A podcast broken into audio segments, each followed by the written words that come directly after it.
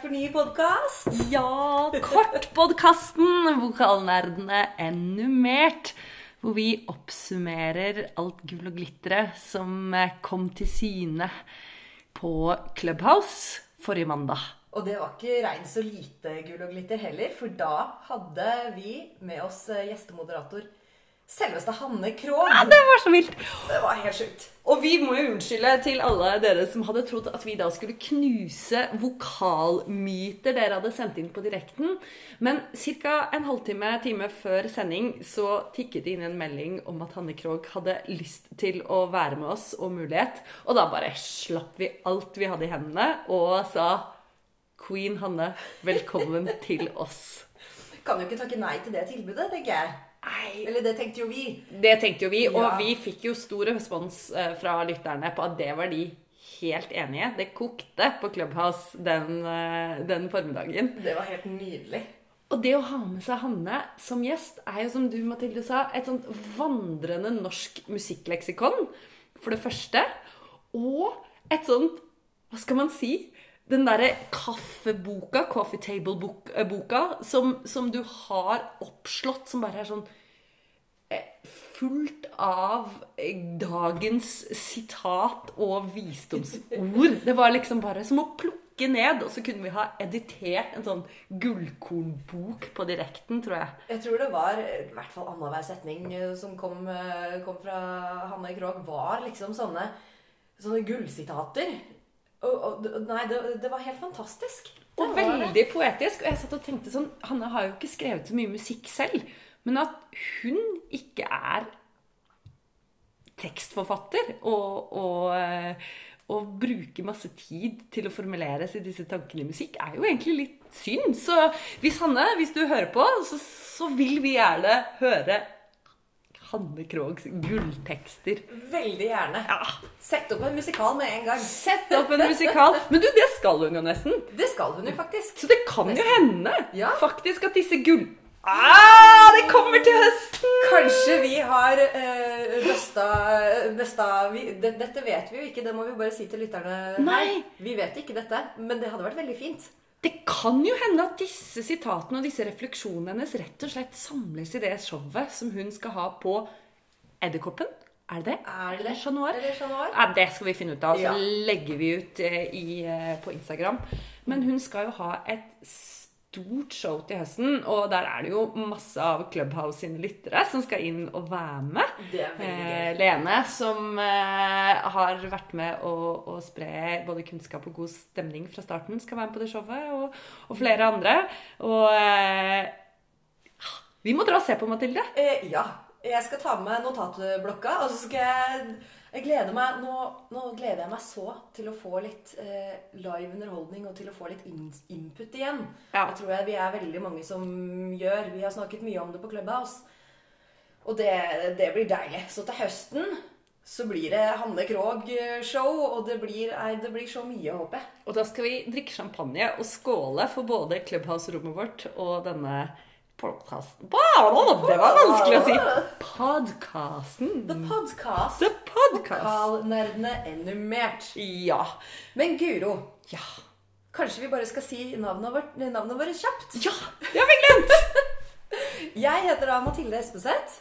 Og jeg heter Guro von Germetten.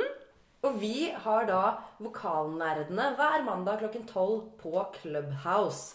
Som er en, et live-forum hvor vi eh, vokalnerder og medsammensvorne kan prate om ting som opptar oss. Ja. Og som kanskje ikke nødvendigvis er så interessant for alle andre. Å. Men Kan ikke forstå at ikke vokalnerding er en universell konversasjonsform. Men vi bruker jo stemmen alle mennesker, eller i hvert fall de fleste. Ikke sant? Og det har vi jo merket, at det er jo ikke bare vokalister som er inne på det rommet. Absolutt Det er folk som bruker stemmen. Det har vært lærere innom, det har vært produsenter innom, det har vært regissører innom. Det har vært liksom masse folk som bruker stemmen og er interessert i stemme. På eh, mange forskjellige plan. Og det skal vi jo fortsette med ut hele mai eh, 2021 nå.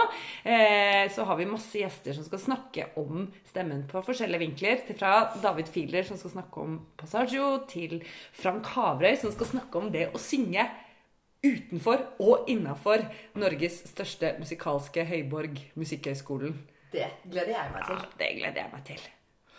Men Mathilde, Ja, Guro. Hanne Krogh, hvor skal vi begynne? Eh, Hvor skal vi begynne?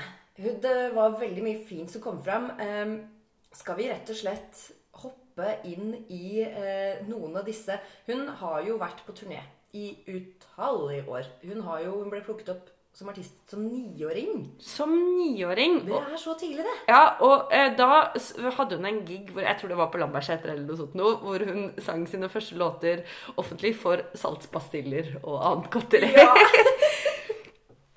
Og hun fortalte jo da at hun hadde jo ikke eh, tatt så mye sangtimer. Eh, hun hadde veldig lyst til å, å spille piano. Familien hadde ikke hatt piano. Eh, men det hun gjorde for å komme inn i det musikalske verden, var at hun hørte timevis med LP-plater og lærte av de beste.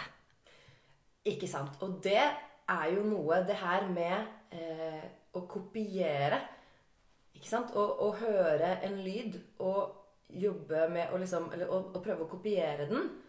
Det syns jeg er veldig interessant. Jeg husker det var en av de første sånn ordentlig kule forelesningene jeg var på, på når jeg tok bachelor i musikkvitenskap på Universitetet i Oslo. Da var Steven Van Sant der. Stas. Ja, veldig stas. Han er jo rockstar. Og han sa det. Det husker jeg Det er sikkert åtte-ni år siden. Men jeg har, det har jeg tatt med meg inn i min utøvende hverdag og inn i undervisningen min. Han bare Kids today, they don't cover. You have to cover to learn, you know? When I grew up, everyone was like doing this shred. They tried to shred and uh, cover the cool uh, guitar solos. Kids today don't cover. They're just gonna find themselves, you know? Og det er jo en liten sånn uh, Dette kan vi snakke mye om. Ja. Men det var jo det Hanne Krogh sa. Hun begynte, hun lærte seg å synge, eller på en måte sånn eh, Opparbeidet seg et større repertoar ved å høre på LP-plater og kopiere. Ja, og alt fra hun sa hun lærte sære intervaller og kompliserte rytmer og repertoar. Absolutt. Det som er litt gøy, er jo at eh, jeg sitter jo nå og tar en doktorgrad på Norges musikkhøgskole, og en av de artiklene som jeg skriver på, den handler nettopp om dette.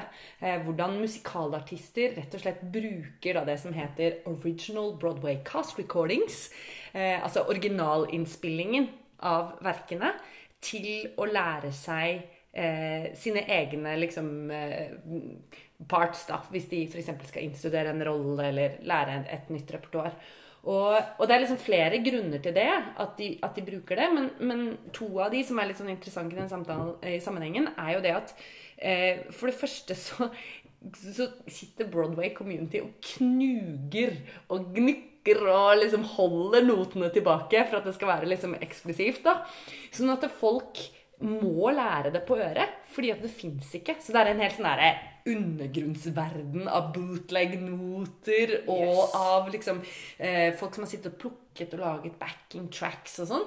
Sånn at det er liksom sånn det er liksom, Folk har ikke tålmodighet til å vente på at liksom et år etter disse innspillingene er gitt ut, at man får tak i notene. Sånn at da må de lære det på øret. Og så eh, er det nettopp det at noter som jeg syns er fryktelig interessant, de klarer jo ikke å fange opp det systemet vi bruker, alle de mulighetene som ligger i den menneskelige stemme. Altså Vi har ikke noe notasjonssystem for å fange opp f.eks. Eh, voice quality eller funksjon, eller det står ikke noe som sånn curbing eller edge Kanskje, eller å Ja, ja. Kanskje det Ja, hvis man har på en måte behov for komponist at det skal være eh, at det skal være helt tydelig at det er det man skal gjøre. Eh, Men, men det som da kalles liksom ikke the song, men the sang, altså den, den, den vokale praksisen i musikkteater, den må man eh, lære via å lytte på andre utøvere. For ellers så vet man ikke om man skal synge si, eller om man skal synge sei, eller hva man skal gjøre. Det, det finnes ikke notene. Så dette er jo da ikke noterbare vokale krav, for å si det på en litt sånn sær, høytidelig måte. Og, og det er så gøy, fordi at det, det er mange, som du sier, det er mange ulemper og fordeler med å gjøre dette, og jeg tror kanskje vi må ta å lage en helt Clubhouse-sending på det. Jeg tror vi Eh, må det. Vi må det. Men, men det er også det, sånn som Hanne sier, det er en praksis som folk gjør. Man lærer så mye av å plukke, kopiere, utnytte det at hvis jeg hører en lyd og kopierer den lyden, så stiller liksom instrumentet seg inn automatisk, eller i hvert fall har potensialet til å stille seg inn automatisk, og løse en del vokalproblemer som kan være vanskelig å komme til hvis det er sånn Ok, Mathilde, nå skal du løfte litt på strupehodet. La epiglottis gå litt nærmere mm, tutbruskene. Og så skal du lukke nesepassasjen og løfte vegene. Ikke sant? Altså, da, da, da kan det være litt sånn kortslutning, da. Hvis jeg bare sier Stay! Og så Stay! Ja. Så funker det. Ikke sant?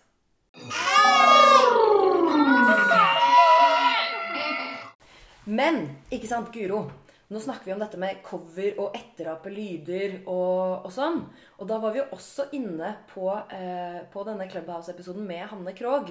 Så snakket vi jo også litt om det å lære seg å synge i ung alder.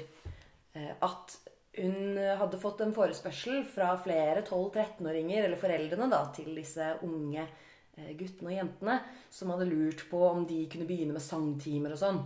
Og Hannes svar da var jo egentlig ganske sånn Det, eh, det er ikke noe vits å begynne å bygge stemme, fordi stemmen er ikke rent fysisk ferdigutvikla enda. Og det kan man jo også Det kan man snakke mye om. Absolutt. Og det som var hans poeng, var jo at hun ville få de liksom ut og opp i trærne. Altså at det Ja. der med å bygge kropp isteden. Det der å tenke at liksom vi må, vi må på en måte bygge piano før vi lærer å spille på det. Eller vi må i hvert fall ha et piano tilgjengelig. Ja. Og, og at, at det å liksom bli kjent med kroppen sin, bli sterk, være bevegelig um, Få ting til å falle på plass før man liksom begynner å gå inn og liksom pirke i liksom denne muskelen inn her og ut der og Ja, som du høyre har og til snakket om venstre. nå, epiglottis og fla, fla, fla. Ja, ikke for en for en tolvåring så kan jo det fort bli litt eh, gresk. Absolutt. Men du underviser jo denne gruppen Jeg gjør jo det, vet du. Så jeg syns jo det var veldig interessant. Nå eh, har jeg et vikariat på, i Oslo kulturskole. Og da har jeg elever, sangelever som er ned i tiårsalderen. Og jeg har hatt elever som har vært yngre enn det også, i andre settinger. Og jeg er jo veldig enig i mye av det Hanne sier. Eh, vi, men jeg tenker at der kommer vi tilbake til dette med etteraping. Det, er aldri, det er aldri for tidlig å begynne å ape etter lyder. ikke sant? Og, eh, så på oppvarmingen, når jeg, når jeg har timer med disse 10-11-12-åringene, så gjør vi mye. Vi strekker oss og gjør kanskje litt sånn fysiske eh, oppvarmingsøvelser for å kjenne litt på kroppen og bli vant til å liksom kjenne etter. Å, har man litt vondt i dag? Eller kanskje man tryna og har litt vondt i skuldrene eller et bein? Eller man blir vant til å kjenne på kroppen. Og så gjør vi faktisk vokaloppvarming, men på en, på en veldig sånn lydbasert måte. Vi står ikke og synger skalaer, men jeg kan ofte si Ikke sant? Jeg sier tikki-tikki-ti, og så hermer de, og så sier jeg «Nga!» Eller æ! Eller «Åh!» Og får de til å liksom etterape klangen. For det tenker jeg at det er man føler jeg i hvert fall aldri for ung til å gjøre. Å, å leke med sin egen stemme og bli vant til å tørre å lage rare lyder. For det er jo mye det man gjør som vokalist. ikke sant? Selv om når du står og øver på twang Sånn veldig eh, Det høres jo ikke så veldig pent ut nødvendigvis. Men det er en nødvendighet for å kunne synge profesjonelt, da. Å, kunne, og kjenne stemmen sin. Og jeg jobber jo veldig lite med denne eh, aldersgruppen, men jeg har jo hatt mine eh, min del av det jeg kaller som Broadway kids, da, altså unger som allerede er i produksjon. Um, og som har ofte veldig konkrete oppgaver de må løse. Altså De må synge liksom eh, Unge nummer fire i Sound Music eller, eh, eller Cosette. Eller lignende, da. Um, og da er de jo allerede der hvor Hanne var, ikke sant? ni år, og jobber profesjonelt. Og da dreier det seg jo veldig mye å få disse ungene til å bli sikre på det de gjør. At de stoler på at bare de åpner munnen, så kommer det de vil at skal komme ut. Og at de kan stole på det, og at de kan leke seg, og at de kan være i, i spill, da. Eh, og, og være trygge på at stemmen holder, og at, at ting er liksom på plass, da. Og det som er fint, som jeg har merka ved å undervise unger i den alderen, er jo at at heldigvis så funker ting så veldig bra. Og at det nettopp egentlig kanskje dreier seg mer om å ikke ødelegge til eller rote til det som vi alle er liksom født med at funker. Um, jeg har jo selvfølgelig hørt om unger eller babyer som, som har eh, problemer for med nakkemusklene, som blir hese når de skriker. Men de fleste unger er jo født med et vokalapparat som funker. At de kan belge ut i edge med distortion i timevis. Og det er på en måte det mest naturlige for dem. For hvis, hvis liksom unger hadde grått sånn da hadde de blitt liggende, da. Hadde det blitt liggende. Mm. Men de, de, må liksom liksom, Det er liksom De insisterer på sin presens. Og, og, det tenker jeg er jo liksom At når vi jobber med unger i den, i den aldersgruppen, og der er jeg så enig med Hanne, at det dreier seg om ikke kludre til det som funker, og ikke minst ikke ta fra dem gleden. Mm. Eh, og det er vi voksne dessverre enn noen eksperter på å gjøre ofte. Eh, å ta fra unger gleden i det de driver med. Absolutt. Og det føler jeg er det, Men det tenker jeg sånn uansett kanskje viktig, Det er kanskje viktigere når det er yngre elever man har. Men uansett alder, å bevare den gleden og heller jobbe med jobbe kanskje litt mer med selvtillitsbygging eh, mm. og, og, og, ta utgangspunkt i det her er du komfortabel i. Mm. Ja, men da leker vi oss litt, og så pusher vi det litt. Yeah. Litt den veien og litt den veien. ok? Ja, men det her får du til. Å, å bygge mennesker. Det er, kanskje, det er, kanskje, noe av det jeg liker best ved å undervise. At man føler at man får lov til å være med og bygge noe som er større enn en selv. Mm. Og noe som kanskje ja, kanskje er større enn den andre også. ikke sant? Og det var jo Hanne så utrolig opptatt av. Altså dette med liksom sanggleden. Dette med å, å, på en måte ha noe man vil si. Være opptatt av ordene. Stole på at man hadde på en måte en gave. At man, man hadde noe som, som verden trenger, da. Og hun var jo opptatt av både liksom Jeg syns det var så fint hun sa at det er like viktig å tømme hodet som å fylle det. Så hun snakket om at ikke være redd for at disse tingene på en måte bare i gåseøynene er underholdning. Fordi vi trenger både å fylle hodene våre masse, med masse tanker, og der har vi liksom sanger en mulighet. Og vi har mulighet til å tømme folk sine eh, tanker ved at de får på en måte noe annet, som du sier, noe som er større enn det hverdagen vår er. Og, og, og jeg tenker jo at det som er jo så nydelig med sangere og musikere og låtskrivere, er jo at de de lar jo aldri sannheten stå i veien for en god historie. Nei, sånn at verden, på en måte Det der med å åpne verden, se mulighetene, se det utopiske, se at ok, nå driver jeg og liksom surrer i dette bitte lille liksom, eh, maurtua her som er korona akkurat nå.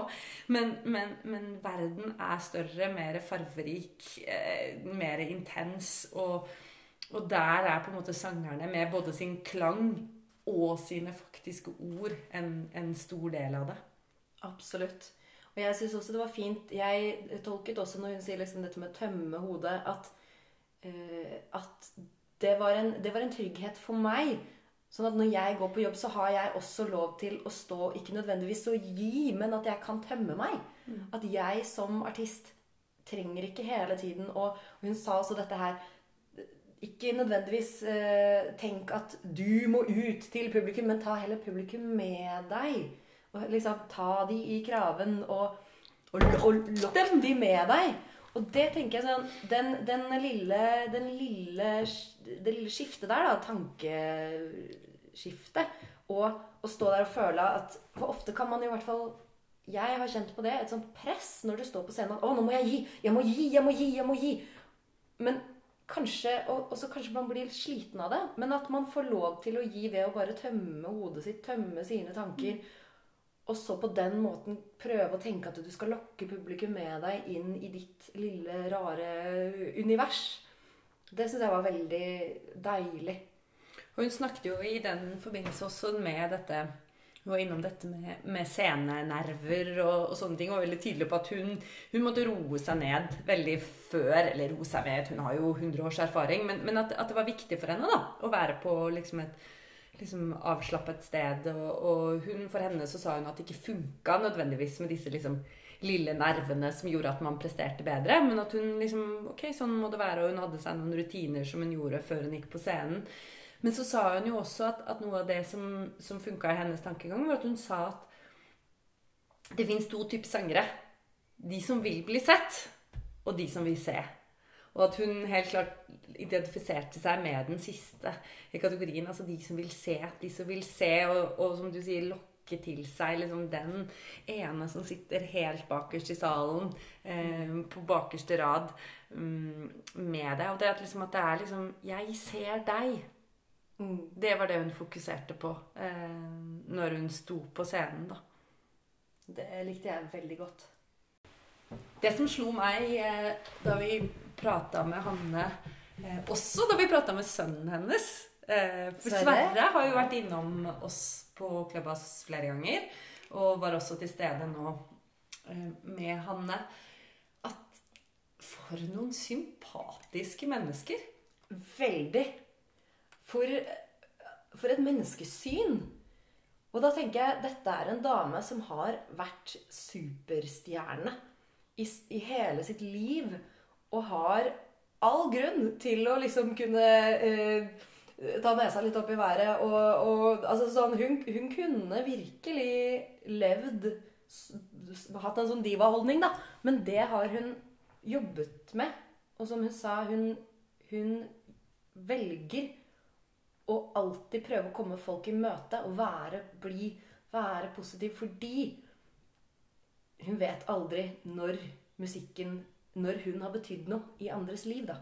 Hun snakket om det at, at at det er på en måte ikke henne Altså Hvis hun ikke møter folk, da, eller skulle liksom velge å ikke møte folk, så, så er det akkurat som hun, hun kan rive i stykker minner som, som har betydd masse for dem. Og som sa Jeg kan ha vært til stede når pappaen deres døde.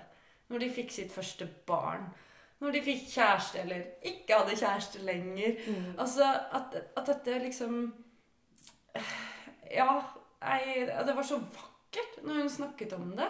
Mm. Altså Denne holdningen til at liksom Selv om jeg personlig ikke har vært, vært til stede, så vet jeg at musikken min har vært der. Sånn at jeg, jeg skal ikke være den som tar fra folk eh, den rollen min musikk har betydd i deres liv. Og hun snakket jo om det at for henne så var på en måte alt dette kjendiseriet da, Det var nesten bare sånn prisen hun måtte betale ja. for å få lov å drive med det hun elsket overalt på jord. Og hun snakket jo om dette at hun, hun spiser jo også folks energi. Altså ja. Hun bare er sånn der, Andre menneskers energi er en sånn derre Fire av fate, liksom. Og, og derfor så, så, er det disse møtene også veldig verdifulle da, for henne. Mm. Og det, det syns jeg var så sympatisk. Og hun snakket også om det i forhold til at hun var opptatt av alle disse sangerne som hva de sa, altså 20 Feet from Stardom. Altså alle disse sangerne som f.eks. står på scenen sammen med henne eh, til høsten i showet sitt, da. Mm. Som er så utrolig dyktige. Men som ikke er den som står i fokus og får liksom hyllinga og navnet sitt øverst på plakaten. Men som er liksom håndverkere og, og, og stjerner i seg selv. Men som bruker sin energi, da, f.eks. i dette tilfellet, til å til å bygge opp henne og stå rundt henne og sammen levere et heidundrende show, som jeg er sikker på at det blir. Det, det er jeg 100 sikker på. Det gleder vi oss veldig til. Ja. Og hun, det var jo litt morsomt, men hun planta jo litt sånn sladrehistorier. Det kommer jo, kom jo litt grann. om noen. Og, og, blant annet så vet vi nå, vi som var til stede på Clubhouse, at Johnny Logan, som hun har vært eh, på turné med, eh, var altså en teknikk-freak når det gjaldt alt av sånne gadgets og styr og stell og fondasjonsrør og dampemasker. Og det er litt morsomt, for det er noe av det vi snakker om denne måneden på Clubhouse. da, Når vi knuser slash bygger opp under vokalmyter. Dette med fonasjonsrør. Det skal vi faktisk eh, snakke litt om. Jeg tenker Det blir vel neste runde med podkast. Mm -hmm. For nå, nå, skal vi ha Vocal Mythbusters ja. på Clubhouse. Og da skal vi prøve å oppsummere det i neste rundes podkast. Ja. Og da tror jeg vi egentlig skal avrunde denne lille vokalnerdene ennumert med dronninga Hanne Krogh. Og så vil jeg bare si altså En av de tingene som hun sa, som jeg bare traff meg så utrolig, det var at hun sa Gi meg en spotlight og gjemme meg i. Ja takk. Da måtte jeg gråte litt. Jeg Ja. gleder meg også sånn til å få lov å kjenne på scenelysene igjen. Få lov til å føle meg hjemme i en verden som jeg har smakt altfor lite på det siste året. Absolutt.